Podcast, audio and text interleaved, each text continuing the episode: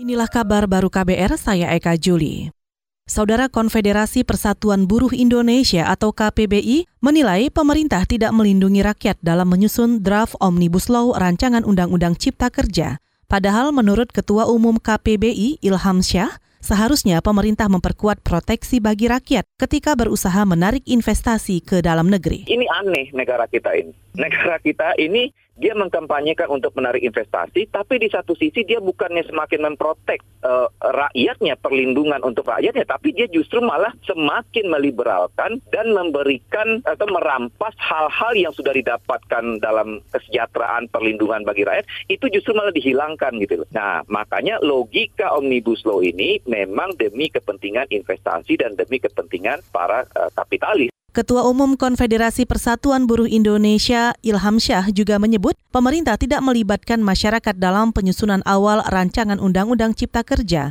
Menurutnya, pemerintah cenderung tertutup dan hanya mengundang perwakilan buruh untuk sosialisasi. Saudara, Pengadilan Negeri, Pengadilan Negeri Jakarta Selatan hari ini akan menggelar sidang pra-peradilan perdana yang diajukan bekas Sekretaris Mahkamah Agung Nur Hadi terhadap KPK. Selengkapnya disampaikan jurnalis KBR Febrian Kevin. Silakan Kevin. Ya saudara, saat ini saya sedang berada di Pengadilan Negeri Jakarta Selatan. Hari ini akan ada sidang pra peradilan perdana yang diajukan bekas Sekretaris Mahkamah Agung Nur Hadi. Persidangan ini sempat ditunda oleh Hakim Mahkamah Pengadilan Negeri Jakarta Selatan karena pihak dari KPK tidak menghadiri persidangan dan meminta penundaan persidangan selama dua pekan. Dalam tuntutannya, Nur Hadi meminta hakim mengabulkan permohonan pra-peradilan terkait penetapan dirinya sebagai tersangka karena belum menerima surat pemberitahuan dimulainya penyidikan atau SPDP dari pihak KPK. Sebelumnya Nur Hadi diduga telah menerima suap dan gratifikasi dengan nilai mencapai 46 miliar. Untuk untuk situasi saat ini di Pengadilan Negeri Jakarta Selatan belum terlihat dimulainya persidangan. Dari Pengadilan Negeri Jakarta Selatan sedang mempersiapkan ruang sidang serta belum terlihat juga tim kuasa hukum dari Nur Hadi dan tim kuasa hukum dari pihak KPK. Dari Pengadilan Negeri Jakarta Selatan, Febrian Kevin melaporkan untuk KBR. Kita beralih ke informasi saham. Indeks harga saham gabungan atau IHSG pagi ini dibuka anjlok 133,94 poin atau 2,44 persen ke posisi 5.364,6.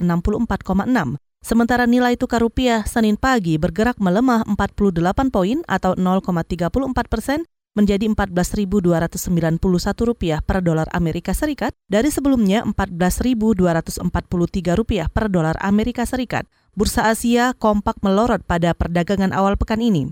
Bursa Asia melorot karena investor beralih ke obligasi untuk melindungi dari goncangan ekonomi akibat virus corona. Selain itu, kejatuhan bursa Asia juga didorong oleh anjloknya harga minyak setelah Arab Saudi memangkas harga jual resminya. Saudara pemerintah Cina menyebut ada 40 kasus tambahan virus corona di wilayahnya. Angka ini diklaim turun dibanding 44 hari sebelumnya. Komisi Kesehatan Nasional Cina mengatakan hingga kini jumlah kasus terkonfirmasi secara keseluruhan di Cina daratan mencapai 80 ribu lebih. Dari luar Cina, Wabah corona membuat sejumlah negara menutup kota-kota yang dianggap mengalami tingkat penyebaran virus yang cepat. Semisal di Italia, di sana pemerintah setempat menutup wilayah utara dan membatasi aktivitas warga hingga 3 April untuk menahan penyebaran virus. Penutupan itu membuat sekitar 16 juta warga di Italia terdampak, di antaranya penduduk di kota dagang Milan. Pada skala global, corona memberikan dampak yang signifikan pada berbagai sektor industri, yang paling parah adalah sektor pariwisata akibat terjadinya pembatasan pergerakan manusia yang diberlakukan oleh otoritas di berbagai negara. Saudara demikian kabar baru, saya Eka Juli.